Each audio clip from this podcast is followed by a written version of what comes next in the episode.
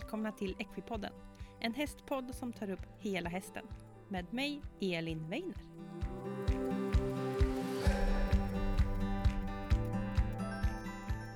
Då var det äntligen onsdag igen och ett nytt avsnitt av Equipodden ligger ute.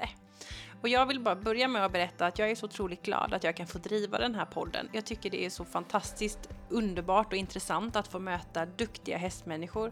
Och genom Equipodden har jag verkligen fått träffa ofantligt duktiga hästmänniskor. Det är allt ifrån terapeuter till duktiga ryttare, till och med riddare, ja allt inom hästvärlden. Och det tycker jag är väldigt kul. Men en sak som går igenom hos väldigt många det är just vikten av att dokumentera och följa upp det man gör med sin häst. Så därför är jag otroligt glad att få presentera Equidiary som sponsrar detta avsnitt. Equidiary gör praktiska och snygga kalendrar där du kan skriva upp vad du och din häst har gjort. Det är helt enkelt ett mycket bra sätt att hålla uppföljning på din ridning och jag berättade lite om Equitire också förra veckan och då berättade jag just att de har varit otroligt smarta och lagt in många bra sidor som är precis vad vi hästägare behöver när vi ska hålla full koll på allt som gäller runt vår häst. Och har man medryttare till exempel så är det fantastiskt bra att allting är samlat på ett och samma ställe. Men det är några saker till som jag vill trycka lite på och berätta lite extra om Equidiary. För de har verkligen gjort, tänkt till och gjort det lilla extra. Och en sak som jag tycker om väldigt mycket det är att de på varje vecka har en liten ruta med veckans mål. Det är ett väldigt enkelt sätt att sätta upp mål och jobba mot sina mål och se till att man hela tiden har en utveckling. För ibland, jag tycker själv när jag rider att det kan bli lite eh, oplanerat ibland men har jag tydligt mina mål så är jag helt övertygad om att det kommer gå mycket, mycket bättre. En till sak jag också tycker om med Equidiary det är att de har några sidor med inspirationsövningar. Det finns hoppning, markarbete, dressyr och även mentala övningar. Och det är perfekt när man har de dagarna när det är lite småregnigt, man har lite dålig inspiration, vet inte vad man ska göra. Då är det bara att bläddra upp och läsa lite grann så har man jättebra inspiration till sitt ridpass. Och just nu har Equia Diary precis börjat sin försäljning av kalendrar för läsåret 2021-2022. Så jag tycker att du ska passa på att kika in på deras sociala medier på Instagram heter de Equidiary Sverige och på Facebook är det Equidiary. Och där kan du läsa mer, titta på bilder och även beställa hem ditt ex för att kunna planera på bästa sätt inför kommande år. Men nu är det dags att presentera veckans avsnitt. Och den här veckan är jag åter på besök hos Vivica på Svensk Hästrehab alltid så spännande, så intressant och jättepopulära avsnitt. Eh, så i det här avsnittet pratar vi om något som heter fascia vi får lära oss vad det är, eh, hur det funkar, hur det påverkar hästen, att det verkligen har jobbat lite under radarn och nu plötsligt inser man att oj shit, det här är ju typ allt. Och vi kommer på ett, eller vi lanserar ska jag säga, ett eh, nytt namn på den här fascian som ändå visar hur otroligt viktigt det här är.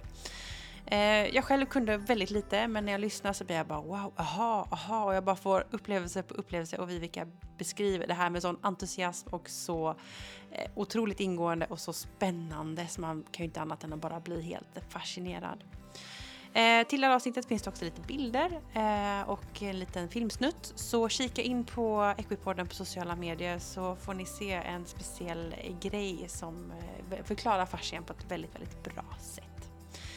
Eh, en till lyssnarfrågor får vi också med såklart inbakat som vanligt. Så jag hoppas att ni ska bli nöjda. Nej, nu har vi pratat nog. Nu kör vi igång veckans avsnitt.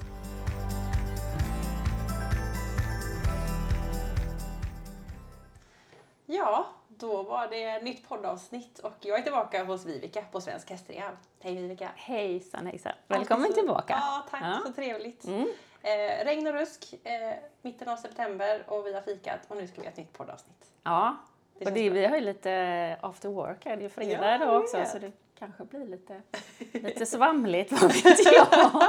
Hela ja. jobbveckan här. Nu ja, men eller hur, man är lite mos i hjärnan så att eh, papperna får hjälpa till att hålla ja. styr på på, ordning, på ordningen här. Men eh, det blir bra. Det blir bra. och det är alltid så fantastiskt att komma hit för här har vi alltid så mycket bra kunskap och nu ska vi prestera något, eller höll på att säga, vi ska lära oss något nytt. ja, ja, men jag, jag hoppas det. jag ska lära mig i alla fall, för ja. du kan ju allting redan.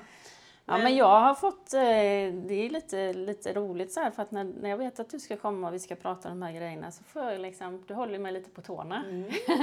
för att då blir det ju, får man liksom kika tillbaka på lite grejer och ja men fräscha upp minnet och tänka, ja men just det, det där ska vi ha med och det mm. där ska vi ha med. Mm. Och det här blir ju liksom ytterligare ett avsnitt lite grann som det förra som jag mm. tror att jag kommer tvinga alla mina kunder att lyssna på. För att just detta då, vi ska prata mycket om fascia. Precis. Och eh, det är ett ämne som, som är, eh, nu så här med facit i hand, väldigt viktigt. Och det går inte att dra det på två minuter när mina kunder är på väg ut genom dörren när Nej, de säger precis. du, finns det något mer jag kan göra? Ja. Eller vad, vad kan jag göra för det här? Utan det, det kräver att man liksom förstår mm. helheten. Mm. Eh, med detta, precis som med multifilerna ja, det, det hade vi förra gången. Det avsnittet och även liksom det här med ja, make body balance och alltihopa, att det krävs liksom att man får med sig ja. ett koncept. Precis. Så att, eh, ja, jag och fascia känns lite mode också. Det är många som pratar om det mm. nu och det är fler och fler som förstår och, och, när vi har pratat här så förstår jag att mer och mer forskning sker också på mm. det. Så mm. det kommer mycket nytt. Jajamän. Och man inser att det här är ju något viktigt. Så ja, eh, nu ska vi få ihop en timme här så att ja. man kan eh, få lära sig lite grann är väl tanken. Men eh, vi får väl börja då. Alltså, vad, vad är det egentligen? Mm. Vad, vad, vet vi om det? Vad vet vi om det? Jag tänkte så här att vi ska börja egentligen ett antal år tillbaka. Min egen erfarenhet av fascia genom åren, eller egentligen min oerfarenhet av fascia. För att det har liksom inte... Jag började ju... Jag har ju gått diverse utbildningar och kurser med start strax innan millennieskiftet. Ja. Och det är egentligen ingen utav de eh, utbildningarna som har pratat speciellt mycket om fascia. Det är så? Ja. Nej, utan man har ju pratat om det i den bemärkelsen att eh, ja, det finns där. Mm. Eh, och då pratar man liksom fascia och bindväv. Mm. Det är liksom, klumpar vi ihop här lite grann till, mm. till ett ord, för det är lite samma, bara lite olika hur det ser ut. Eh, och man har ju pratat om att ja, det, det sitter scener i bindväv och fascia då. Mm. De är ju viktiga för de sitter ju liksom på mm. varsin sida om, om muskeln och, och fäster in i skeletten. Så de, de är man med på. Men resten däremot, det har man inte pratat så mycket det känns, det är mer liksom som gladpack ja. eller plastfolie ja, ja, runt muskler. Eh, eller ja, fyllnadsmaterial egentligen. Mm.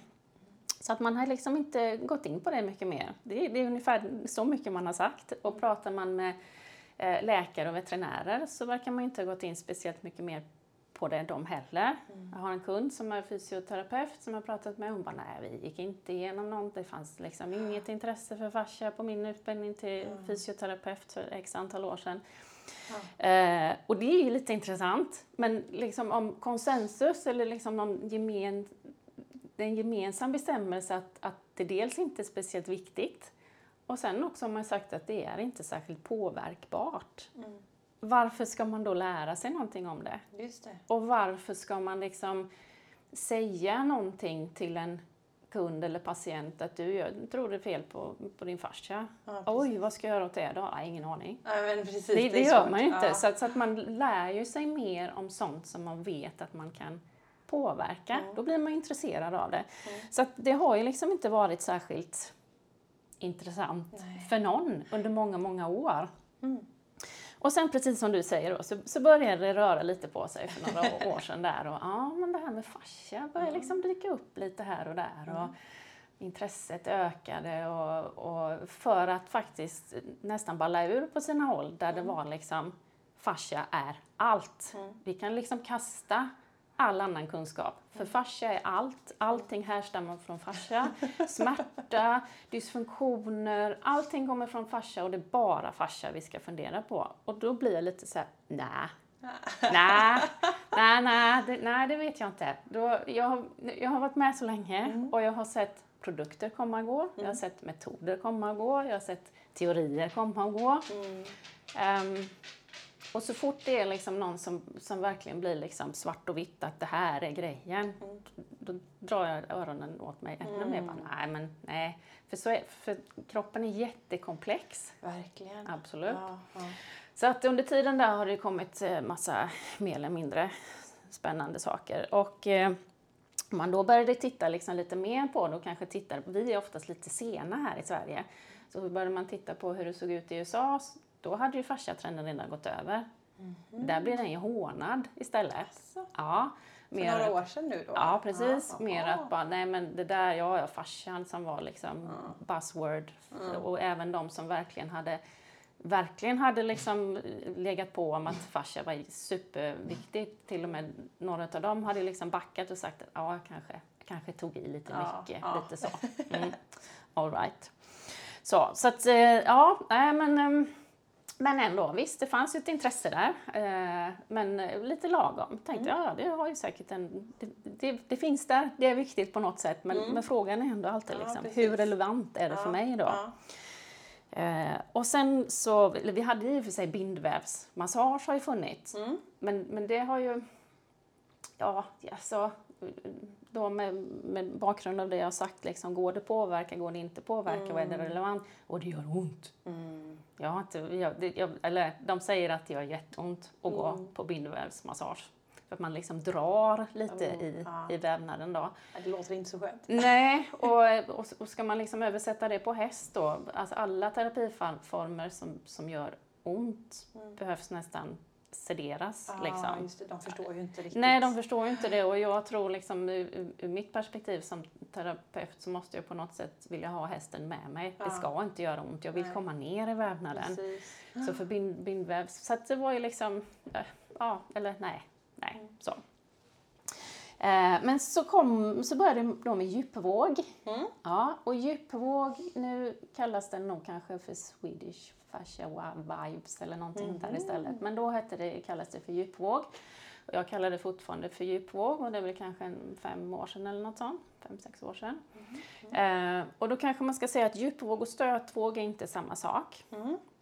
Eh, djupvåg är en maskin som eh, den är ganska tung mm. och den har en rejäl eh, motor och den har ett batteri som faktiskt kan dra en moped.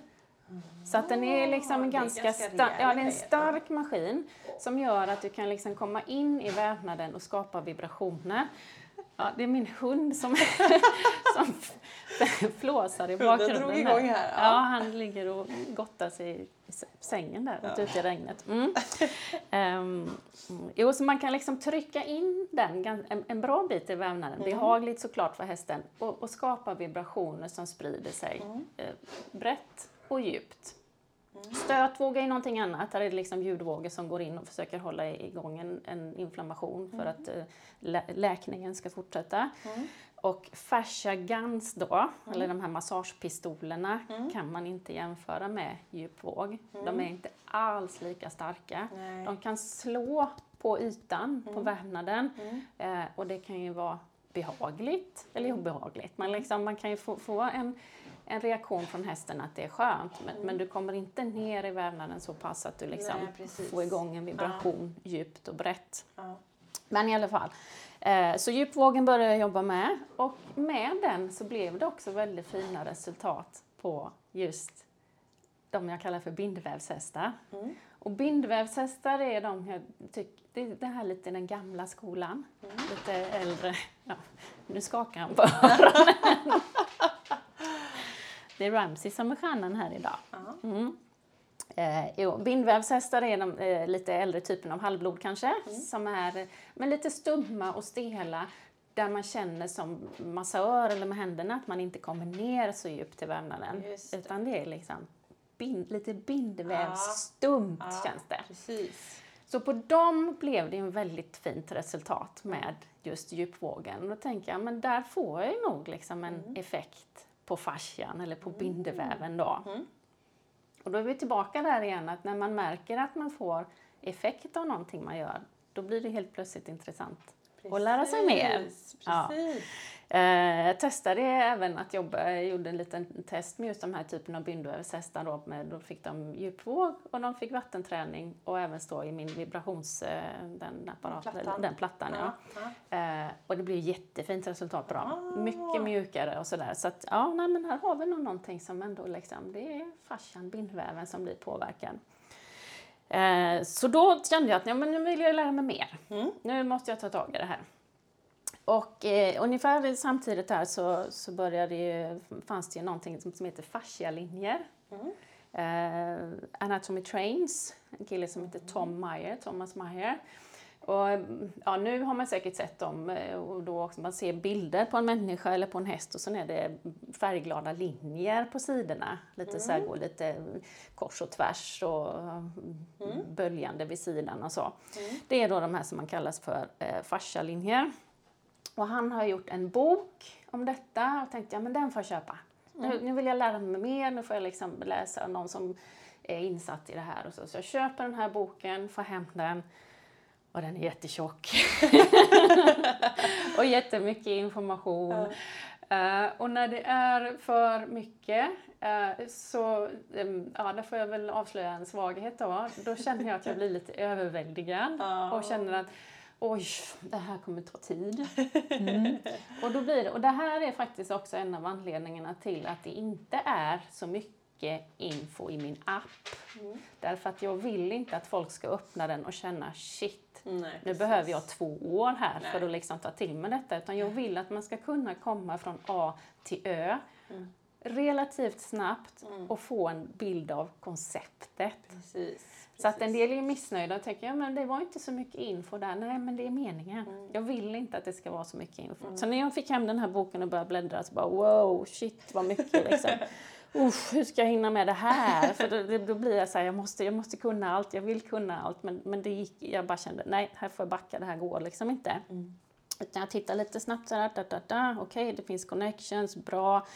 Ja, men hur relevant är det för mig som terapeut mm. egentligen? Mm. För jag har aldrig varit sådär jättedetaljerad. I mina journaler står det aldrig liksom exakt att det är den och den muskeln som är behandlad eller den och den. Mm, så, utan jag skriver upp snarare liksom områden. Mm, mm. För att jag tänker att allt som är där under och allt som är anslutning kommer bli behandlat. Precis, Sen om det är en muskel eller fem muskler eller tre nerver och x antal fascialager, det är liksom inte för mig jätteintressant utan jag jobbar liksom redan ganska mm. så globalt. Mm. Uh, och sen var jag även på en dissektion med en supergullig eh, veterinär, eh, Ivana Rudok. Hon har också gjort en bok. Och där frågar vi henne också, vad tycker du om de här fascialinjerna och sådär. Mm. Hon bara, jag kan ta ut vilka linjer som helst. Allt sitter ihop. Mm. Allt mm. hänger ihop. Yeah. Yeah. Så att hon var ju inte jätte inne på just mm. de linjerna heller. Hon sa, de finns säkert där, men mm. allt hänger ihop. Ja, så att det liksom, så. Okej. Okay. Så då tänkte jag, ja, jag kan, fine, jag, jag känner till lite, men jag behåller nog liksom min, mm. min input i det hela. Mm. mm. Och sen kom pandemin. Ja. ja. Sen kom ju då pandemin, som jag också var inne på redan i förra avsnittet, att den var ju har varit skit på så många sätt och vis. Eh, men alla dessa webbinar ah. och webbkurser och sånt. Allt blir digitalt. Har ju blivit så värdefullt. Så där helt plötsligt då, okej, okay, då, då får vi, här finns det ju möjlighet att lära sig mer om detta. Och bland mm. annat så gick jag då en eh, webbkurs där det var tekniker där man kunde behandla fascian då. Mm. Myo, myofascial teknik som det kallar det, myo, muskler, fascia mm. hänger ju ihop. Uh, jag tänkte, ja men okej, okay, jag ger det en chans. Jag testar mm. och ser vad som mm. händer. Och bara, oj! Ja men det här funkar ju bra. Vad spännande. Och då blir mm. jag så här, jag vill inte bara veta att det funkar, jag vill ju veta varför det funkar. Um, så då, eh, sammanlagt där så såg jag väl kanske en, kanske sex, sju webbinar av riktigt duktiga människor mm. eh, som verkligen kan sin sak. Veterinärer, forskare som är liksom helt uppe i det här med fascia. Inte, eh, alltså med en, eh, vad ska man säga, normal entusiasm. inte fanatisk, utan med en normal entusiasm för, för eh, fascia.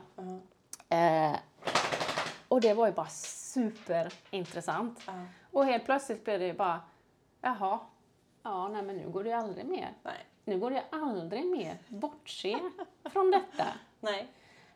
Um, så att det var ju liksom verkligen en uh, aha-upplevelse.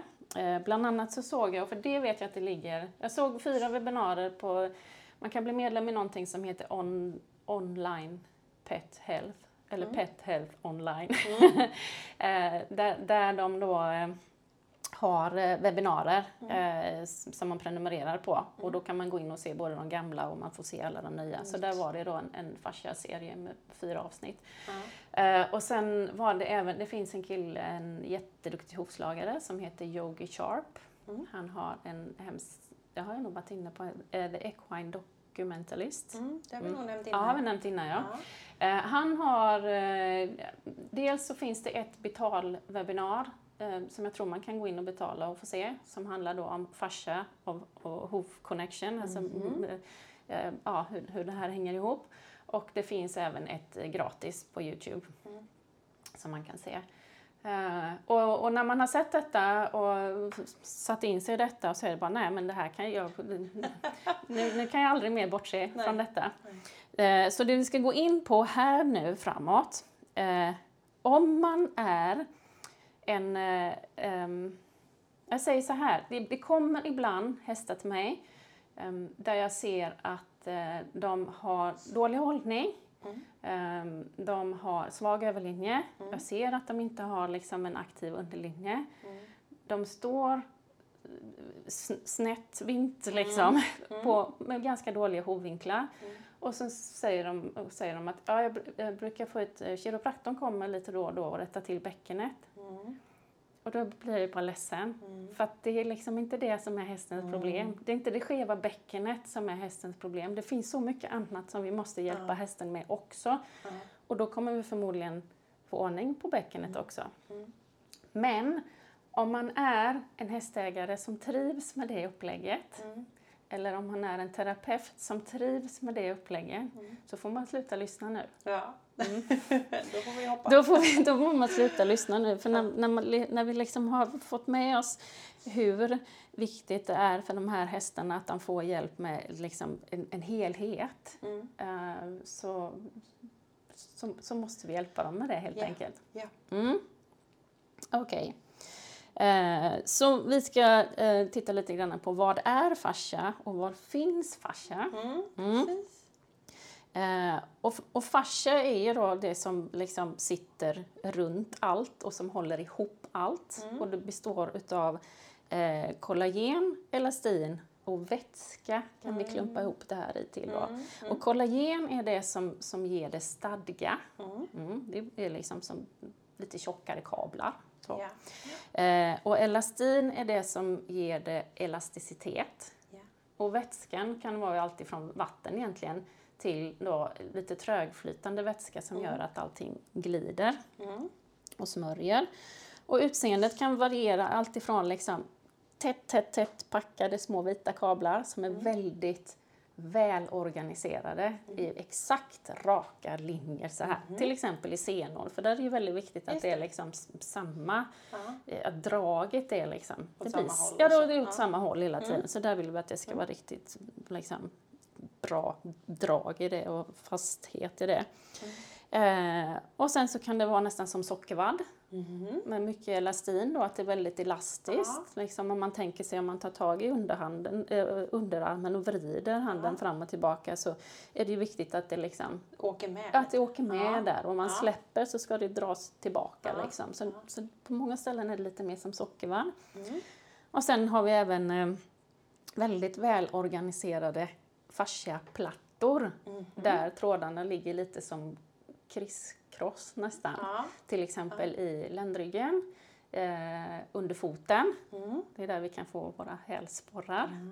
Ja. Och även eh, i magen, eller den nedre bakre delen av mag, eh, hästens mage kan man säga, om man ser den från sidan. Där finns också sådana här plattor, bindvävsplattor som, som då håller saker och ting på plats och hjälper till med, med annat som vi kommer till längre fram.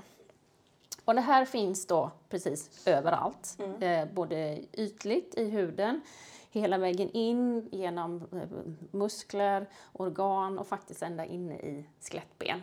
Alltså, Så det, finns, så det, Ja. finns, det Wow. finns precis, precis överallt. Eh, och vi har fascia runt varje liten muskelcell, Ja. runt muskelcellsbuntar, Ja. runt muskler, runt muskelgrupper och så vidare. Och vidare. Det, det, liksom, det finns verkligen precis överallt. Runt organ, runt nerver, senskidor, bursor, överallt. Ja. Ja. Så att vi har det överallt och det ser ut på lite olika sätt. Och vad gör då den här fascian? Mm. Nu, det, nu börjar det bli lite spännande. eh, och det är ju verkligen inte bara fyllnadsmedel eller gladpack som man trodde då förr, eller har man har trott eh, länge. Jag tycker man kan säga att det är faktiskt fascian som gör kroppen lite tredim tredimensionell. Ja. Så om vi har skelettet då, som är då längst in, och i, i mitten om man vill kalla det för det, så har vi ju mycket alltså, ben, skelettdelar som liksom ligger i, i par på varsin sida. Ja. Och i mitten har vi också en, ett gäng med kotor i, i halskotpelaren och i ryggraden och så. Eh, och sen eh, utanpå det så har vi då musklerna Mm. som ofta sitter i par. Nä- Nästan alla muskler sitter ju liksom i par, eh, höger och vänster. Mm. Och sen har vi ju fascian som då till exempel via de här bindvävsplattorna i ryggen faktiskt kopplar ihop ja, till exempel höger bak och vänster fram. Ja.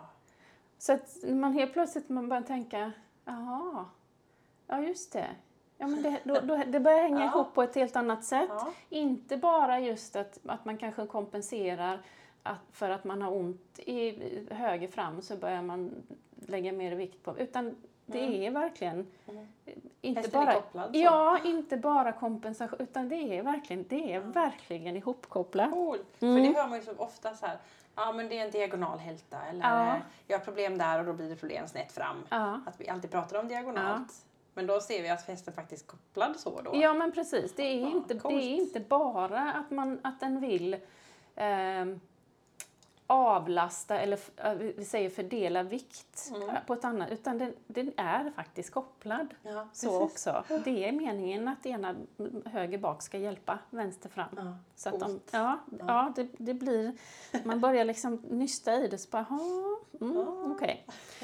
Eh, och man har tidigare alltid fått höra, i alla fall jag mina utbildningar då, att det är skelettet som håller kroppen upprätt då. Mm. Det, det kan vi också liksom ställa frågan om det verkligen är så. Mm. Det är kanske snarare så att skelettet är till för att skapa hävstänger. Mm. För det är hävstänger som gör att saker och ting liksom blir, ja, kan, kan röra sig på ett sätt som, som känns logiskt på något sätt. Men det är nog kanske inte skelettet som faktiskt håller kroppen uppe. Mm. Så om det är skelettet skapar hävstänger, musklerna som skapar kraft såklart, det är de liksom som, Ja. som gör det typen av jobb. Och sen är det då fascian som faktiskt distribuerar kraften Just det. och håller kroppen upprätt. Ja. För om vi liksom börjar klippa av alla de här fascia-trådarna och, och så som sitter, då skulle skelettet faktiskt trilla ihop. Mm. Mm. Så att, ehm, ja, nej, det var inte bara fyllnadsmaterial, Nej, nej, utan nej. det är mycket där. Och sen kommer vi då till en, eh, ett spännande ord som heter tensegrity, eller tensegritet. Mm.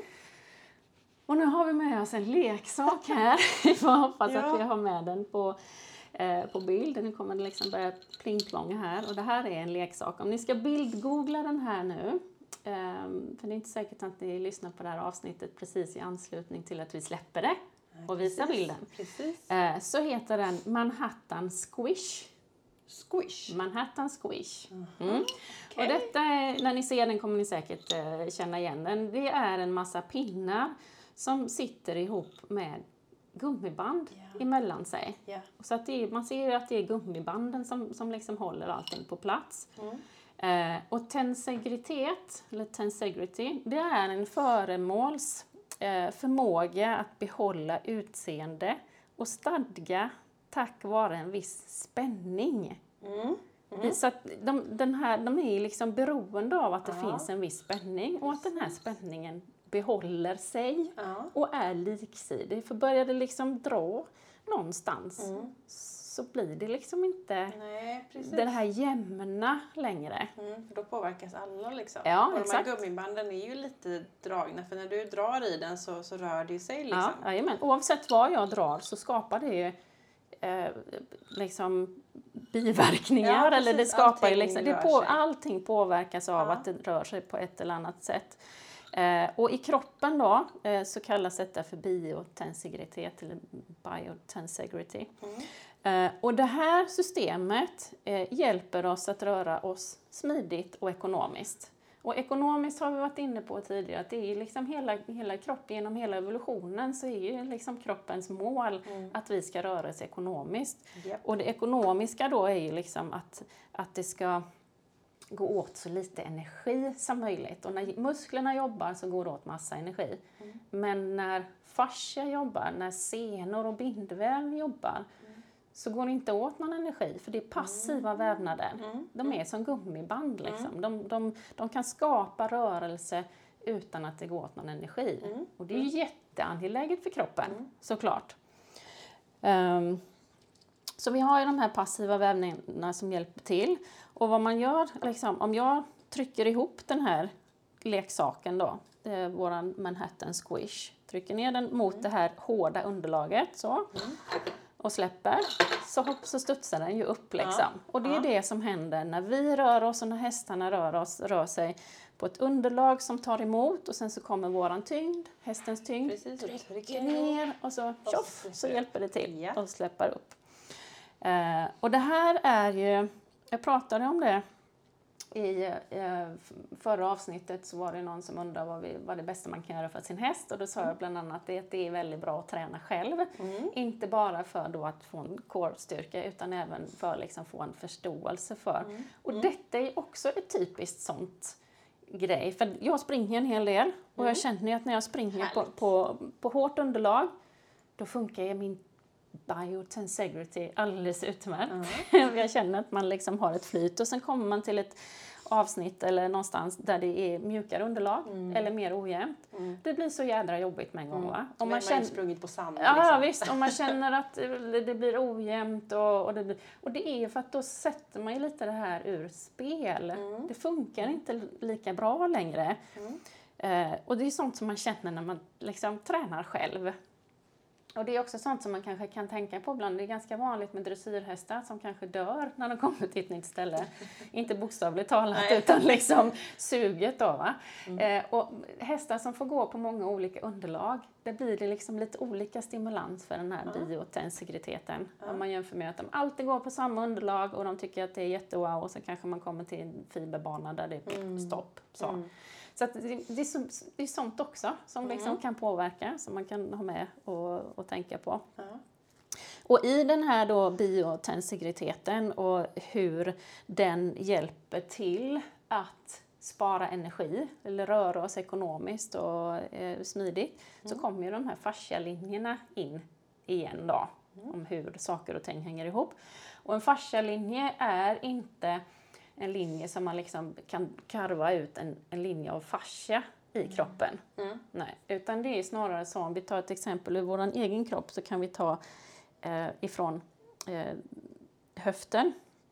Vi har en, en fasciastigbygel kan man säga.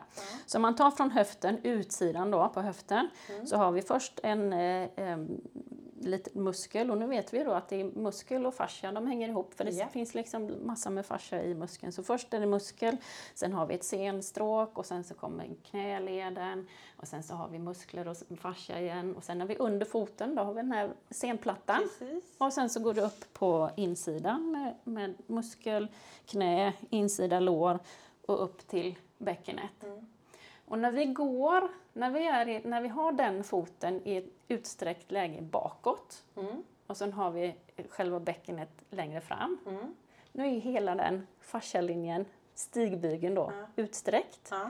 Och när vi släpper foten ifrån marken, tjopp, Ja, så hjälper det till alltihopa och dra tillbaka. Så hela det här funkar liksom för att vi ska bli, det ska bli smidigt och ekonomiskt. Ja, och att allting det här hjälper då till. Ja. Ehm, så där har fascian en stor eh, liksom, eh, betydelse för oss. Eh, den fungerar också som någonting som vi kallar för eh, force transmission eller kraftöverföring. Mm. Så när, när vi jobbar, när hästarna jobbar och vi rör oss så där så är det faktiskt eh, 70% kommer utav muskeln Mm. eh, och 30% är via fascia. Det är så mycket. Ja. Coolt. Så att då kan Ja. vi tänka att om inte fascian fungerar och mår bra, då, har vi inte, då kan inte hästen prestera på på Nej. 100 procent av Nej, sin nej. kapacitet. Och jag kan tänka mig att det kanske här som till exempel djupvågen får, har en bra effekt på sporthästar. Mm. För att det är inte bara de här bindvävshästarna som mår bra liksom, utav eh, djupvågen utan vi ser jättefina resultat med, med den här typen av behandling på, även på sporthästar. Och när man börjar fundera på att det kanske är 30 procent Ja, är som alltså. kommer av, av det där. Och det som vi sa lite grann där i början, det här med att det sitter en muskel och sen har vi sena och sen fastnar den, sitter de här fast i varsitt skelettben. Mm. Eh, Det är också faktiskt, alltså sanning med modifikation så är det såklart, men nästan 40 procent Mm. av musklerna fäster inte på ben. De fäster i fascialager. så att ju mer, liksom helt plötsligt så är det bara, men shit, det här är ju Ja, jättemycket. verkligen. det blir liksom bara mer och mer och mer och viktigare och viktigare och viktigare. Så att, så att eh, ja, Verkligen. mer och mer och mer. Ja. Eh, ja, och sen, och det är vi inte färdiga än. Nej. Nähä, det är massa mer grejer som fascian är bra för. Eh, fascian är den, det som ser till att allting glider utan friktion. Eh, och friktion vill vi inte ha för då blir Nej, det ont och ömt och och det kostar varmt energi. och, och det kostar energi. Jajamän. Så att den liksom den sitter ju då från varje liten muskelcell runt muskler och så vidare. Nerver till exempel, de kan inte stretcha. Nej. Utan när de ligger i kroppen så, så, så ligger de lite som en korv. Ja. Och sen när vi drar ut armen så är det viktigt att de liksom kan glida Mm. med där. Eh, så att fascian är ju den som ser till liksom att, att allting glider. Och har man väl varit med på en dissektion så jädrar, det är kladdigt alltså. Mm. Det är jättekladdigt och det är eh, beroende på ett eh, ämne som heter hyaluronsyra. Mm. Mm. Och där är fascian med Mm. och producerar. Såklart! Ja. Fascia, fascia, fascia. Ja. Eh, och eh, hyaluronsyra är, eh, det är det som finns i leder också bland annat. Mm. Och det har ganska hög eh, viskositet. ja. Det vill säga den har förmågan att, att hålla eh, vävnader lite grann isär. Det är Ja. lite trögflytande. Precis. Mm. Vatten har ju ingen viskositet, det rinner Nej, väldigt nej, fort. nej, precis. Det, Typ sirap är ju lite mer högviskositet. Exakt. Och har vi en frisk hyaluronsyra så har den förmågan att hålla isär vävnad och det är liksom ingen friktion alls i princip. Eh, jämfört med om vi har en sjuk eller en, icke välmående hyaluronsyra eller icke välmående fascia då. Mm. Då blir eh, hyaluronsyran påverkad så att den förlorar sin viskositet, det vill säga det blir, det klibbar ihop. Det blir liksom inte rätt, Nej. den här eh, sköna friktionen Det längre. låter ont. Ja, och även om det finns en brist på då. Så att där har den ju, vi vill verkligen liksom att, att fascian ska fungera av så många olika anledningar. Mm. Och så här kommer nu den mest spännande. Ja, vad lyser upp, jag tycker det är så roligt. Um, jo, proprioception då. Mm. Det har vi också pratat om flera gånger. Proprioception är ju då eh, kroppsuppfattning. Mm. Hur kroppen hur vi kan veta, även om vi stänger ögonen så kan vi liksom sätta fingret på nästippen och sådär. Precis. För att, för att allt det här liksom Ja. fungerar ändå. Vi har ändå koll. Vi har ändå koll på hur, hur vi fungerar i var, var, var vi befinner oss. Och, och det är också super, super viktigt för både hållbarhet och, och prestation såklart. Och där har man ju sett att eh, fascian har jättestor betydelse för hur kroppen eh, vet var den befinner sig. Eh, man har sett till exempel att det finns tio gånger fler receptorer i fascian än i muskler. Det är rätt mycket. Ja. Mm. Eh, och det finns upp till 90 procent utav våra fria nervändar finns också i fascian. Nej. Så att, eh, och receptorerna då kan ju vara dels de som har specialuppgifter. De, de heter väldigt fräsiga namn, men de kan liksom vara då ansvariga för att eh, känna om det vibrerar eller om det är något som trycker. Mm. Eh, pH-värde, Mm. temperatur eh, och så vidare. Och så vidare. Ehm, och de här fria nervändarna då kan istället ha lite blandade uppgifter. Mm. Eh, De kan skicka information till hjärnan om, om lite olika saker som pågår. Eh, och eh, är det så att det blir i ett område eh, tension, att det Mm. blir sträckningar, Mm. att, att inte fascian mår väl och så vidare, då kan de ändra uppgift så att de faktiskt börjar rapportera smärta istället. Mm. Um, och jag tror jag har, eller jag är ganska säker, någonstans i något webbinar eller någonstans så har jag läst eller hört att eh, man har kunnat liksom urskilja lite grann då var olika typer av smärta kommer ifrån. Och att mm. just eh, då molande mör, mörk smärta, att det mm. liksom härstammar från fascia. Mm. Um, och de, det finns ju de som har störningar i liksom sin bindväv, uh, det finns ju sjukdomar där och det är många av dem som, som rapporterar att det är smärta jämt. Mm. Ont jämt. Mm. Mm. Uh, så att, så att fascian har ju en väldigt stor del och det är väl kanske en av de som är mest revolutionerande med all den här forskningen som har gjort att okej, okay, har den så mycket. Betyder den så mycket Precis. för liksom, det som ändå pågår i, ja. i kroppen? Och här tänker jag att vi ska hitta ett nytt namn för ja. fascian som gör att vi aldrig någonsin kommer liksom glömma hur viktigt det är. Mm. Eh, om vi tänker då att, att skelettet är, det är, lite, ja, det är som balkar, mm. liksom, balkar som, som ska bygga upp eller om vi ska ha Precis, lite hävstänger. Ja, lite stomme så. Ja. Jajamän. Och sen har vi musklerna då, som är grovarbetare. Mm. Uh, inget ont om grovarbetare, men det kanske, de behöver inte tänka så mycket. De ska, de ska lyda order. Liksom. Du, nu tar du vid där och så tar du vid där borta. Så. Ja. Mm. Och sen har vi då hjärnan här uppe mm. som är hjärnkontoret och högre samordnande intelligens. Bara där, du toppar upp, ja. bestämmer vad som ska göras. Och sen har, ja men precis. Och sen har vi nerverna. Och då tänker jag så att de får vara rörpost. Mm. Yeah. och eh, eh, det skulle kunna vara eh, eh, mailprogram också, men det blir liksom mer visuellt om det är rörpost. Mm. Och rörpost, för de som inte var med på 80-talet, är eh, i kontorsbyggnader och sånt så fanns det liksom små rör som satt i hörnen där man kunde skicka dokument uh. emellan våningarna uh. istället för att behöva lägga tid på att springa uh, upp och ner. Så då stoppar man dokumentet i det här röret och Mm. så for det iväg. Så rörposten får vara nerverna. Mm. Eh, och sen har vi då farsan som får vara CIA. Ah. Ja. Central Intelligence Agency. Yeah. Jag kan vara lite inspirerad nu av att jag har liksom gått all in på 9-11. det var ju 20-årsjubileum här, ska man inte säga jubileum, men, men eh, för några dagar sedan så nu har det varit mycket mycket om det. mycket om det och så. Och sen tänkte jag bara, men shit, det där är ju fascia. Alltså, ja men du vet jag har opererat under så många år, mm. så hemligt. Mm. Uh, och har... Ingen fattar någonting. Nej, nej och det är överallt, ja. men ingen vet var. Nej. Precis, och den bara samlar in information och är, liksom är så viktigt. Så viktigt. Så från och med nu så är liksom fascia det är CIA. Mm. Ja. Mm, mycket bra. Ja, ingen det, kommer glömma det. Nej, och det är, så, det är såklart vad det innebär också. Ja, precis. Um, mm.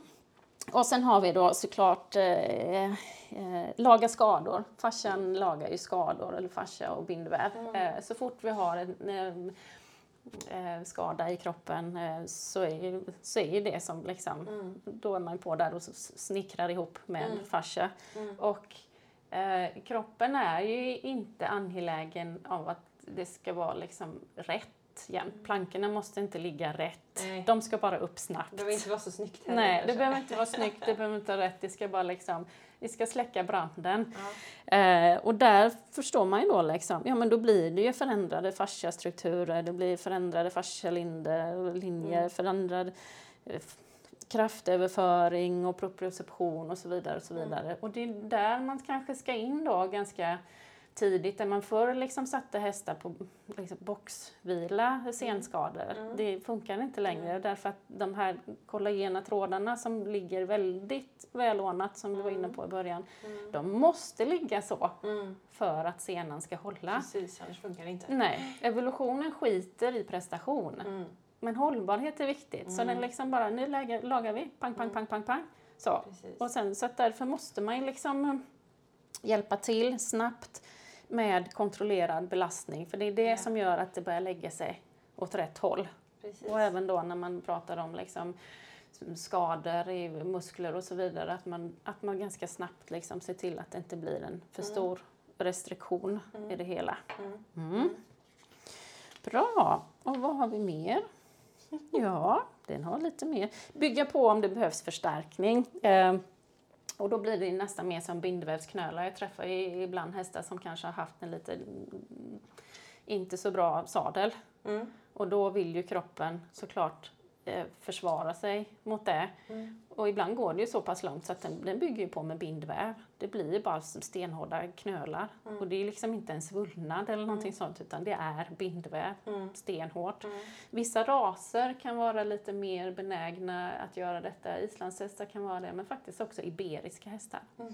Mm, där kan jag träffa, där kan jag märka att det, det känns som att de har en mer benägenhet att göra det. Mm. Mm. Så från att ha varit då liksom fyllnadsmaterial och gladpack så har vi helt plötsligt CIA. Ja. Det är rätt stor skillnad. Det är rätt stor skillnad. Eh, och eh, när man då har det här svart på vitt, bara shit, det här är liksom viktiga grejer för kroppen. Då förstår man ju liksom att det är en helt annan prio på välmående fascia. Ja. Och det betyder ju också att kroppen måste ju ha plan för Ja. detta. Ja. För, för kroppen är ju fantastisk, evolutionen är ju helt fantastisk. Vad, vad, liksom allt som har skapats och tagits fram och eh, ben och allting som har kommit liksom. Ja. Så vad, vad har då liksom kroppen för, eh, för lösning på det här? Eh, man behöver ju ha den både välmående så att det glider och den behöver ju vara liksidig uppenbarligen också om vi tittar på den här tensigritet-modellen. Om det Ja. är något som är snett så, så faller det ju lite Ja, grann. Den precis. måste ju vara liksidig. Nej. Ehm, och, och funktionell så att, så att Mm. allting funkar som det ska. Och lite, jag har lite funderat på det här då med stretch. Mm. Inte, då, det, inte den stretchen som vi gör utan den stretchen som djur gör. Mm. De stretchar ju alltid efter de har sovit. Ja, precis. Man sträcker lite på sig. Ja, och det kan jag ju känna också att när jag, jag, jag stretchar ju kanske efter jag har eh, tränat för att jag bestämmer för Jag känner ingen lust. Nej. Utan det är liksom, just det, jag skulle ju Du har stretcha lärt också. Jag har lärt det. mig det. Ja, ja, När jag sträcker på mig själv, det är ju alltid på morgonen, ja. och frukost. Precis. Då sträcker jag på mig och hunden han sträcker på sig. Och sen ruskar han ju Ja. Det har vi bara suttit här när vi har Ja. lyssnat. Här har han ju ruskat på sig ett antal gånger. Det måste ju betyda någonting. Ja. Vad gör han det för Varför? liksom? Ja. Varför? Vad har det för, vad har det för Och alla djur gör ju funktion? det. Liksom. Ja, ja men precis. Eh, och då har jag tänkt att ja, men det där kanske kan ha med farsan att göra. Mm. Men återigen då, ja kanske, och så, men varför? Vad, vad är det som händer? Eh, och då hittade jag också där i något av de här webbinarierna, jag läste eller någonting, att, att om man påverkar fascian eh, med shear forces, eller skruvkraft, eller vrid, att det liksom, man, man drar lite i den. Eh, krafter kan ju vara olika, det kan ju vara att man drar isär eller trycker ihop eller Ja. sådär. Men det här att man vrider lite eller drar i det, Mm. eh, så stimuleras mer produktion av hyaluronsyra. Visst är det bäst? Ja, det är Ja. precis det jag gör här om jag sträcker lite på mig. Ja, så att tanken då Ja. att, att de sträcker på sig, att det blir ett visst drag, eh, så är det en signal till de här, den lilla strukturen i kroppen som gör det då. Ja, att, att ja, nu är det dags och nu ska vi ha lite mer hyaluronsyra. Och så ruskar vi på oss så vi liksom får fascia-kostymen Ja. i ordning.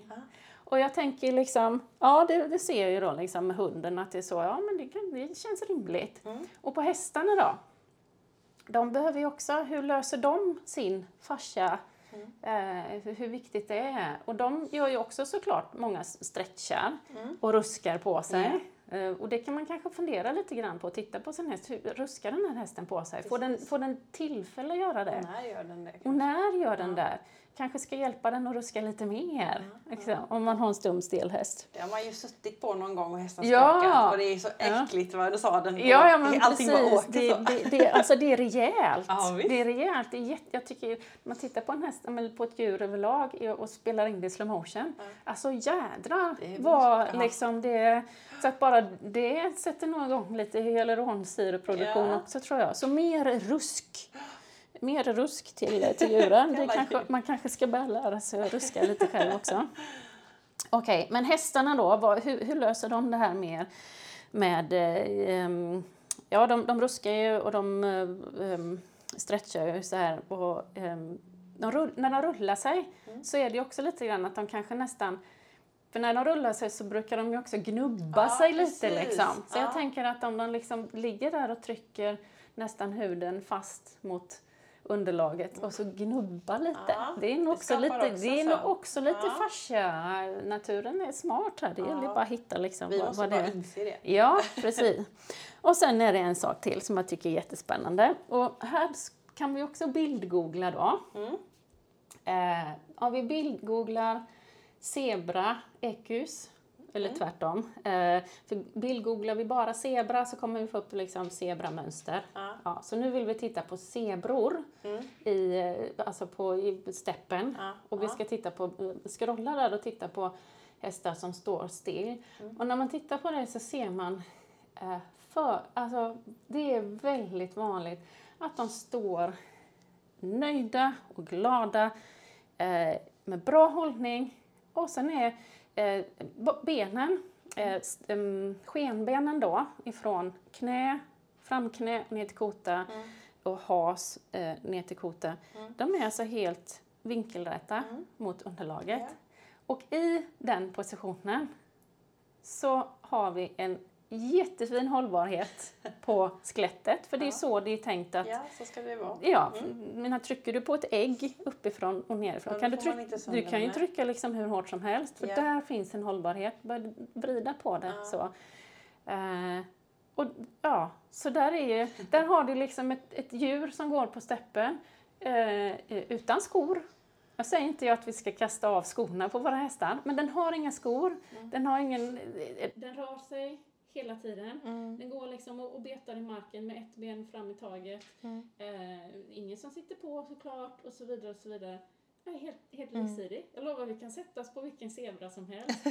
och, och den skulle vara säkert liksidigare än väldigt många ja, ridhästar. Ja, det tror jag med. Så att, liksom, ja, det, fin det finns liksom en plan. Mm. Jag tycker det är rätt fascinerande för när man tittar på väldigt många ridhus, eller ridhästar. Ja. Nej, men om man tittar på många ridhästar, om de kommer och ställer sig inne hos mig eller var de nu än står, så, så kan man ju se att deras hållning, eller i, i, det sättet som de är bekväma att stå i, mm. så är benen långt ifrån vinkelräta ja, mot underlaget. Det är ganska vanligt att de kanske står in under sig ja. med faktiskt ganska ofta både bakbenen och frambenen. Jag måste tänka lite, ja. Och en del kanske står ja, men lite med ena benet kanske lite utanför eller mm. ena benet lite längre fram mm. eller lite vad det nu än kan vara. Mm. Och är det hästens bekväma position så är det, dens, det är där den tror det är där, det är så fascian, det är där, CIA är lugnt där. Där tror jag det att ja, men det är så här det ska vara. Ja, ja. Eh, och att sitta på en sån häst och tänka att den ska vara liksidig när man rider den, det går inte. Nej. För att det, det, är liksom, om, om, inte, om, inte ens, om den inte ens kan stå rakt upp och ner liksidig mm. så kommer den inte vara det när man rider heller. Nej. Nej. Så där har man ju en, en, någonting man kan gå ut och titta på sin häst. Hur är min häst bekväm? Mm. Målet är att den ska vara bekväm och kunna stå liksom med alla benen i varsitt hörn med raka skenben. Mm. För när den, en häst som har, eh, är den låg i trakterna bak så kommer den krypa in under sig med bakbenen. Mm. Och när den gör det så kommer den börja luta sig bakåt. Mm.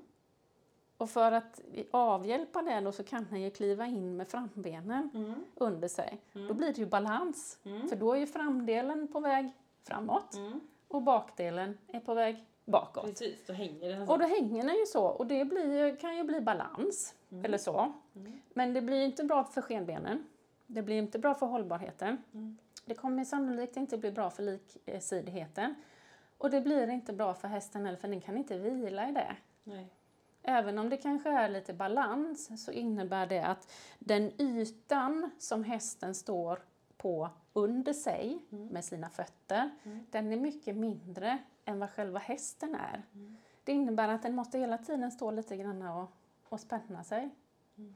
Som en bergsget så. Ja. Eh, Så det vi vill göra är liksom att få hästen att den har en god hållning och kan stå bekvämt med raka skenben. Mm. Mm. Gör den det så har vi nog en bra fascia också. Det var intressant. Mm. Mm. Så det kan man titta på. Bildgoogla zebra, ekus. Där har vi målet liksom. Ja. Målet ska bli, min häst ska bli som en zebra. Ja. Nej men det är lite fascinerande att fundera på liksom hur har, hur har, hur har naturen löst det med fascia och, och, och liksidighet och sådär. Mm. Ja, och ehm, ska vi sy ihop säcken vad det liksom innebär i praktiken? Kanske nu när vi har liksom gått igenom hur, hur viktigt det är och hur det ser ut och var det sitter och sådär då. Eh, och, och jag är alltid sån, jag vill alltid veta liksom hur det är relevant för mig och hur det är relevant för mina kunder och, och sådär. Eh, och, och liksom, ja, om det är relevant för hästägare, vi kan säga terapeut, veterinär och hovslagare och sådär också. Ja. Nu när vi vet att, eh, att eh, zebrorna löser det eh, på sitt sätt eh, i alla fall. Och om man har en häst som är frisk i bemärkelsen har varit frisk länge, skadefri, Mm. Och den är liksidig att rida, eh, välfungerande och har en god hållning. Det vill säga den kan stå snyggt upprätt eller så liksom. Då kan vi nog gissa att fascian mår bra. Mm. Då behöver vi inte fundera så himla mycket på det. Man, if, if it, don't fix it if it's not broken eller tvärtom hur man nu Precis. säger. Precis. Eh, och det kan vi väl gissa att då har vi en häst som också får ganska bra utevistelse. Eh, vi gissar att den har ganska varierad träning. Eh, och eh, ja, har en hovslagare som, som är med på tåget och är duktig på sitt arbete så att det inte blir några knasiga vinklar där. Kanske får en eh, regelbunden fysio, kanske jobbar den med ekiband och ekibodybalance, vad vet jag. Men, men om hästen kan, kan stå så rakt upp och ner, då behöver vi inte fundera så jättemycket på fascian kanske. Utan fortsätta med det vi gör. Men om vi, in, om vi inte har det, om vi säger att vi har en häst som, som är skadad eller som har varit skadad, eh, framförallt under en längre period, då vet vi att den kanske har stått och avlastat någonting. Och då kanske det har blivit det nya, det nya rätta i, i fasciasystemet. Så Och att då säga. tänker du en skada som alltså inte är fasciaskada utan att det är Ja, det kan vara någon typ, annan skada, precis. Ha- Den Den har har, varit halt eller något. Ja, ja, har den varit halt länge, haft ont i, i höger fram länge så, så blir det ju att den kanske har avlastat den och då, blir, då blir det det nya normala efter ett tag. Eh, inte bara liksom hur motorik, eh, neuromuskulärt så utan även då i fascian som vi pratar om idag. Mm. Ja. Eh, och, och har vi en häst som är, inte är liksidig att rida utan man känner att det finns alltid någonting i ena varvet, alltså nu pratar jag, de flesta är ju inte perfekta men, men om det är mycket oliksidigheter. Eh, eller en då som, som står på, som en bergsget eller vad vi nu än sa då kan vi nog fundera på att vi kan nog behöva titta på fascian också. Vi behöver ha med den också. Vi kan liksom inte bortse från den i alla fall om vi ska hjälpa hästen. Mm. Ehm, och vad kan man då, vad kan man då göra? vad gör man för den här fascian? Som, som jag sa lite där i början då att eftersom det inte, ja, om, om man inte kan lösa någonting, om man inte kan hjälpa någonting så kanske man inte så ofta brukar påpeka att det är fel heller. Mm. Eh, vi kan inte medicinera fascia. Vi kan egentligen inte, vi, vi kan inte eh, med massage eller kiropraktik eller akupunktur eller stretch lösa fascia. Mm. Vi kan inte påverka fascian på, på kort sikt. Eller, Precis. eller på, med någon sorts eh, manipulation eller någonting där. Det, fascia release finns egentligen inte. Fascia, det, det stretchar inte. Om vi tar upp den här lilla Manhattan squish squirrelen här igen. Ja. Om jag tar tag i två eh, olika pinnar här Mm. och drar så finns det ju gott om elasticitet. Men om jag tar tag i samma pinne händer det det händer, det händer liksom ingenting. Och om, om bindväv och, fascia skulle stretcha, då kan vi tänka också vad det skulle hända. Det finns mycket fascia och bindväv i hästens ben. Om hästarna väger 600 kilo och det här skulle stretcha, då skulle de ju ganska snart stå på sina kotor. Mm. Mm. Mm. Så att om, om inte hästen kan stretcha sina egna ben som står på dem eh, nästan dygnet runt med Precis. 600 kilo så kan inte vi dra i fascian. Eh, utan alltså fascian måste istället påverkas över, över lång tid, att ge den goda förutsättningar. Fascian kan, kan påverkas under dåliga förutsättningar över, under lång tid också och det är någonting som kallas för creep. Mm. Och det är det som händer med hästar som blir väldigt svankryggiga genom åren och sådär. Ah. Därför att det är inte det att det stretchar utan kroppen byts ju hela tiden ut. Alla vävnader byts ut. Eh, och har vi någonting som, som påverkar på ett alltså dåligt sätt om man säger. Hästen har till exempel en ganska tung mage. Vi får mm. tänka att liksom, det väger kanske 350 kilo och drar neråt gravitationen där. Eh, om den inte har liksom en hållning och en underlinje och så som kan hjälpa till och, bära upp detta så kommer det med tiden creep.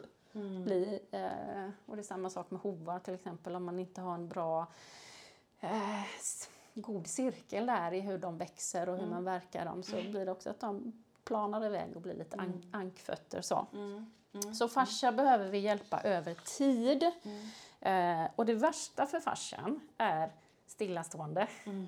Det är hästar som står helt still i sin hage och gör de det dessutom med en dålig hållning så kommer det liksom bli sämre och sämre och sämre och sämre. Mm.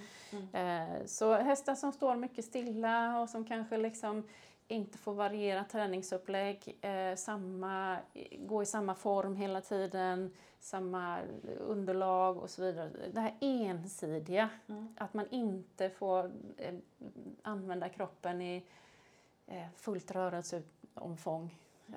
Det, det är bland det värsta mm. för fascian då. Och så, mm. såklart, eh, ehm, ehm, den behöver ju vätska. Eller så. Yeah. Man be den behöver yeah. ju, man får inte bli uttorkad eller sådär. Och, och, ja, men, och det bästa, det bästa fascian då. Vi får avsluta med sånt som yeah. är roligt och som är bra för fascian. Uh, och det bästa man kan göra för fascian är, um, det är liksom att, ja det är mycket det här med varierat underlag såklart och varierad träningsupplägg och, och se till att hästen verkligen får använda sin kropp i, i, eh, i, i stort rörelseomfång. Mm. Och nu är vi tillbaka då till det här med equibody-balans mm. eh, som är eh, um, ja, men varje gång jag, jag lär mig några nya grejer så kan jag liksom falla tillbaka till det på något sätt att bara, ja fasen alltså, det där, vi gör ju det med mm. body balance. Det, mm. vi gör ju mm. verkligen det och det är ytterligare en sak som gör då att, att vi får sånt resultat på hästar. Ja, men det påverkar det är fascian också då. Mm. Eh, och det pratade hon även om på ett utav i webbinaren hon, de hade de här på den här serien med fyra, att den typen av arbete cirka tre gånger i veckan är så värdefullt. Mm. Och det som är värdefullt med det är när ingen sitter på. Och det, för har du någon som, det är väldigt vanligt att hästar kanske är lite mer spända i ena sidan ryggen. Eh, och om någon sitter på och hästen måste använda sina muskler och den är lite mer spänd på ena sidan, då kommer den ju spänna den sidan mm. mer. Och, och det vill vi inte då. Om vi ska jobba med fascia så behöver, då kan vi inte ha någonting som, som spänner eller håller emot eller mm. drar eller så. Så ingen som sitter på. Eh, och det är ju heller inte dumt att kanske bara använda eh, grimman då, skit i, i ekibandet ibland, så att man inte ens har jorden ifall vi då tänker att det ska vara fascialinje. Vi vill inte ha någonting som, som tar emot någonstans mm. egentligen. Eh, så på de hästarna som behöver jobba med fascian och hållningen så ja, där är Eke Body Balance superbra. Mm. Eh, och de pratar också flera gånger man har långsamma, kontrollerade, mjuka rörelser med flow. Mm. De pratar lite så här ninja. Ja. ja. att det ska vara liksom det här och det kan vi också få till liksom i Eki Body Balance, att det ska vara liksom det här flytet så. Um, och någon, eh, bounce, att det bouncear, att det liksom mm. studsar lite upp och ner. Boink, boink, boink. Det får vi ju i joggen. Mm. När hästen slappnar av, släpper all spänning över linjen och så här bara doink, doink, doink. Det gillar vi. Um, och där kan man ju även använda lite bommar och jag vill gärna använda bommar. Inte då att man har, eh, det pratade vi nog om sist också, att det kanske inte är liksom bara på halv, utan att man har den här övningen som jag kallar för klockan. Att man sätter en bom klockan 12, en klockan 3, mm. en klockan 6 och 9 så att det blir lite regelbundet så. Mm. Boink, boink, boink. Bounce, det är bra. Och sen tänker jag även dragspel. Och det kan vi också jobba med i Body Balance, det vill säga um, tempoväxlingar och övergångar mjuka. Mm. Så att man nästan ser hur kroppen liksom kommer ihop sig och drar ut sig. Kommer ihop sig och drar ut sig. Mm. Mm. Och så eh, och vi kan, man kan även hopp, göra hopp, vi har gjort lite hoppövningar i Ekibody Balance också. Att man sätter, så att där blir det också det här Ja. liksom mjukt, flyt, eh, ja, ingenting som tar emot, inget som är liksom spänt och sånt. Det där mår farsan jättebra av. Mm. Eh, skrittbommar tycker jag är bra, man kan höja upp, gå långsamt över dem. Mm. Eh, vattenträning är också jätte, jättebra, det blir långsamt, kontrollerat. Ut i skogen över liksom stock och sten, super, superbra. Um, ja, och sen även såklart att man kollar sadel och ser till att hästen dricker ordentligt. Och, Mm. och sen även då att man kanske hjälper till med övningar som vi pratade lite grann om i förra avsnittet där för att se till att det finns en bra hållning i hästen för att minska det här Mm. om, framförallt om de kanske ska stå still mycket då, Mm. den här creep, att det blir en svankrig av det hela. Eh, Så det finns mycket sånt man kan göra för farsan. Mm. Mm. Herregud vad vi har lärt oss. Ja, mm. visst är det spännande? Så mycket grejer alltså. Ja, jätte... Ja, det finns mycket man kan göra och, och som sagt att eh, det finns jättemånga hästar som, som eh, mår toppen i farsan och man behöver liksom inte ligga sömnlös över detta. Men har man en häst där, där det finns lite frågetecken här och där så kan man liksom inte riktigt bortse Mm. från det. Det är väl där jag känner att när det kommer in de här hästarna som är ja, lite sneda och vinna, man får säga så, att vi måste göra över tid. Och de pratar om liksom, det tar ett år från det liksom att man börjar titta på hela detta, eh, vi säger, framförallt om, om vi säger att de hovarna är inblandade också, till att hästen inte stå, kan, kan stå rak på sina eh, skenben. Ehm, när det har gått ett år, då, bör, då börjar det liksom, då är allting då är allting i ordning på ett sånt sätt att det underhåller sig själv på ett bra sätt. Mm. Mm. Innan dess så måste man liksom ha tanken med sig hela tiden. Man ska ju ha tanken med sig sen också såklart, men så lång tid tar det liksom att, att, att jobba med det aktivt. Så att det är ingen, det är ingen quick fix. Nej. Nej, det är ingenting man kan medicinera eller ändra liksom i en eh, handvändning. Nej. Ja, jätte, jätteroligt. Mm. Och det är lite häftigt och vi fick ju en hel del lyssnarfrågor till det här Mm, avsnittet också. mm. Och jag tror vi har vävt in ganska många av dem. Ja. Men det var ju några frågor kopplat just till Mm. eh, kan man ha en maskin som liksom löser upp spänningar? Men Mm. då är det enkla svaret nej. Nej, precis. Man kan ha, det man kan göra är att man kan eh, förbättra förutsättningarna. Det är väl Mm. det jag upplever att man kanske gör med djupvågen då, eller så. Att man förbättrar förutsättningarna för att det sen kanske ska glida, gli- alltså lo- lokalt, men själva förändringen eh, kan man inte. Mm. Det, tar, det tar den tiden det tar.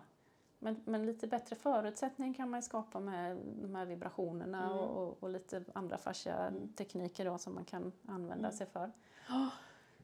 Så det är det långsiktiga arbetet. Ja, det är det Mm. verkligen. Och det är det, liksom det här som gör också att man kanske kommer in, inte få ordning på vissa hästar. Mm. Därför att det är en sån bidragande faktor till att det blir snett hela tiden. Mm. Om en kiropraktor kom, måste komma regelbundet och, och dra någonting till, ja men varför? Jag har inga problem Mm. med att en kiropraktor måste komma regelbundet och lägga någonting till rätta om allting, är, om allting annat är i ordning. Ja.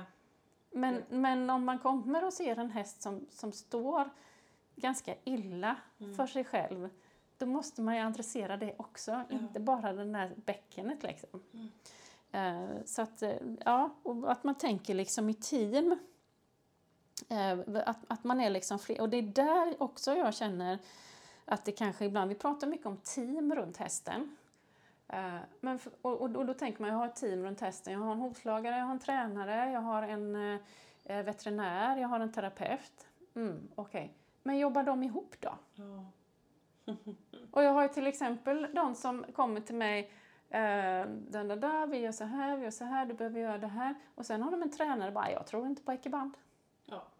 Nej, jag tror inte på ekiband. Nej, okej. ehm, Ja, eller jag tror inte på vattenband, eller vad det nu än kan vara. Och, ehm, ja, vi, vi, som ett exempel då, det kommer en häst med till exempel dåliga bakknän. Så. Och sen så har den varit hos veterinären och veterinären eh, sprutar och säger att hästen inte får gå på volt. Okej. Eh, så, och sen så kommer, jag, kommer hästen till mig och säger den på fysio och jag säger att den här hästen den har en sån vi måste hjälpa den med biomekanik, vi måste göra ditten och datten. Och vi, den här, jag vill att du jobbar med ekiband och ekibodybalans. Nej, den, den ska inte rusa runt på volt, men den kanske behöver jobba på volt för att vi ska liksom komma vidare. Ja. Och sen så har vi då en eh, eh, hovslagare. Och vi har fötter också där jag säger att vi, jag tror, jag, jag vill inte jag kommer aldrig gå in och säga vad en hovslagare ska göra med, då, kom, då får jag bygdens hovslagare med blåslampa ute på mottagningen. Utan jag kan ju bara säga utifrån mitt perspektiv att jag tror att den här hästen, för att få ordning på detta så måste den, vi måste liksom lite grann här. Och då kanske vi har en hovslagare som säger, ja nej men jag kan inte, jag kan inte sätta kilar till exempel, för att det funkar inte för fötterna.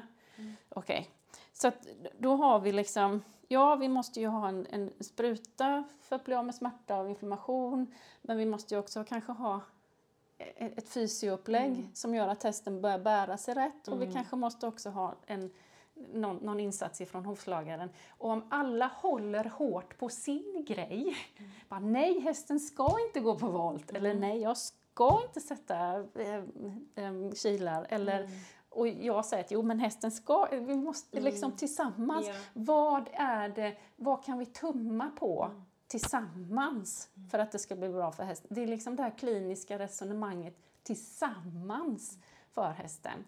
Som är, eh, det är där många tror jag hamnar. I en limbo och får inte ordning på sin häst för att man har inte gehör hos någon i teamet. Ja. Mm. Det tror jag är viktigt faktiskt. Ja, Och det är lätt att bara, ja men vi, vi visst vi är ett team för att vi har samma häst. Eller Ja. alla möter samma häst. ja, Men det finns ju allt och Mm. alla tankar. Man behöver Ja. ju både rätt och fel. Och, Ja, ja men liksom precis. sådär Och jag menar, det är ju, alltså, när man börjar prata med experter så vet ju experten så mycket om sitt ja. område. Så att, eh, och det är därför jag kanske, och det är därför det har varit så intressant att bara resonera. För jag tänker så här att den här hästen kanske behöver göra så. Ja, ja, jo okej, jo, men det är okej kanske veterinären säger då. Eller hovslagen, ja, ja, men då gör vi så här. Men om man, och det är för att man Åh, behöver göra det här tillsammans. Men eh, nej, och, det, och jag kan ju känna att man kanske hamnar lite i, nej jag har, jag har inte den här licensen ifrån Jordbruksverket då liksom, är jag minst värd då? Eller liksom, jag har ganska mycket kunskap och, och en hel del erfarenhet och jättemycket fina resultat men ah, kan, liksom, ah, mm. Nej, det är, eh, och sen är det klart att man samarbetar olika mycket med olika, och en del kanske veterinären som kommer långt ifrån. Det, är- det är jätte... Ja, Mm. så svårt. Men ändå så viktigt. Ja, ja. Mm. Verkligen.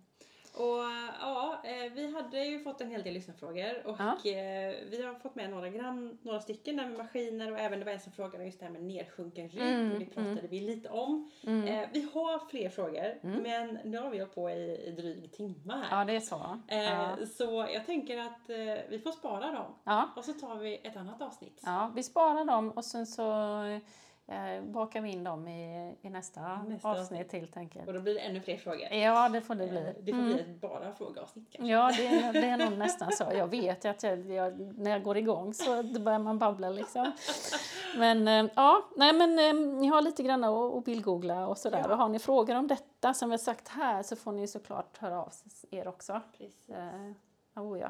Mm. Och för att sammanfatta här, fascian superviktig, Mm. eh, CII i, Se, ja, ja, ja. i hästen och allt vi gör och Ja. att den inte är helt betydelselös i vissa fall där man behöver hjälpa, fast svår att påverka. ja, svår att påverka och, och på de hästarna där, där det behövs ett brett upplägg så måste man ha med den Mm. i tanken.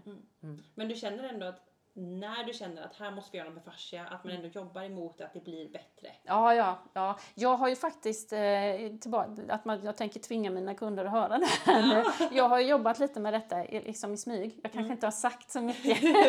för att det blir liksom så svårt att, att, att gå in på, bara, vet, du vad, jag gör så här, jag jobbar med fashion. Men, eh, men så, så jag har ju, nej, jag har haft, jag har haft med det liksom, men kanske inte eh, liksom specifikt, utan det har ju varit en del av hela upplägget. Men ja, jag har under en, en eh, period nu haft med det. Och jag har ju haft med det under en längre period med, med Ekiband och Ekibody Balance utan egentligen vetat om det.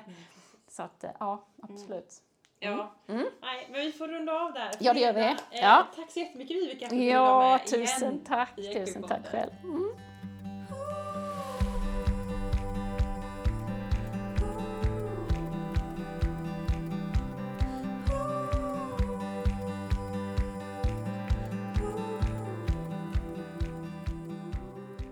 Ja, vad ska jag säga? Hur jäkla coolt var inte det här? Alltså, eh, jag har lyssnat på det här avsnittet några gånger. Dels var jag ju faktiskt med och spelade in det och sen så har jag klippt det och lyssnat och eh, jag hör nya saker varje gång. Det är så mycket saker som bara, bara jaha, oh wow, coolt.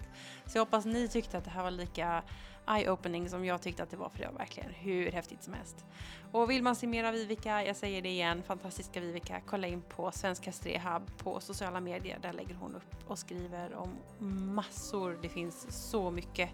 Eh, även hennes hemsida och hennes app. Där finns det så bra grejer. Eh, och vill man se mer av Equipodden, då är det Equipodden som gäller på sociala medier. Där lägger jag upp massa saker som kan vara till intresse.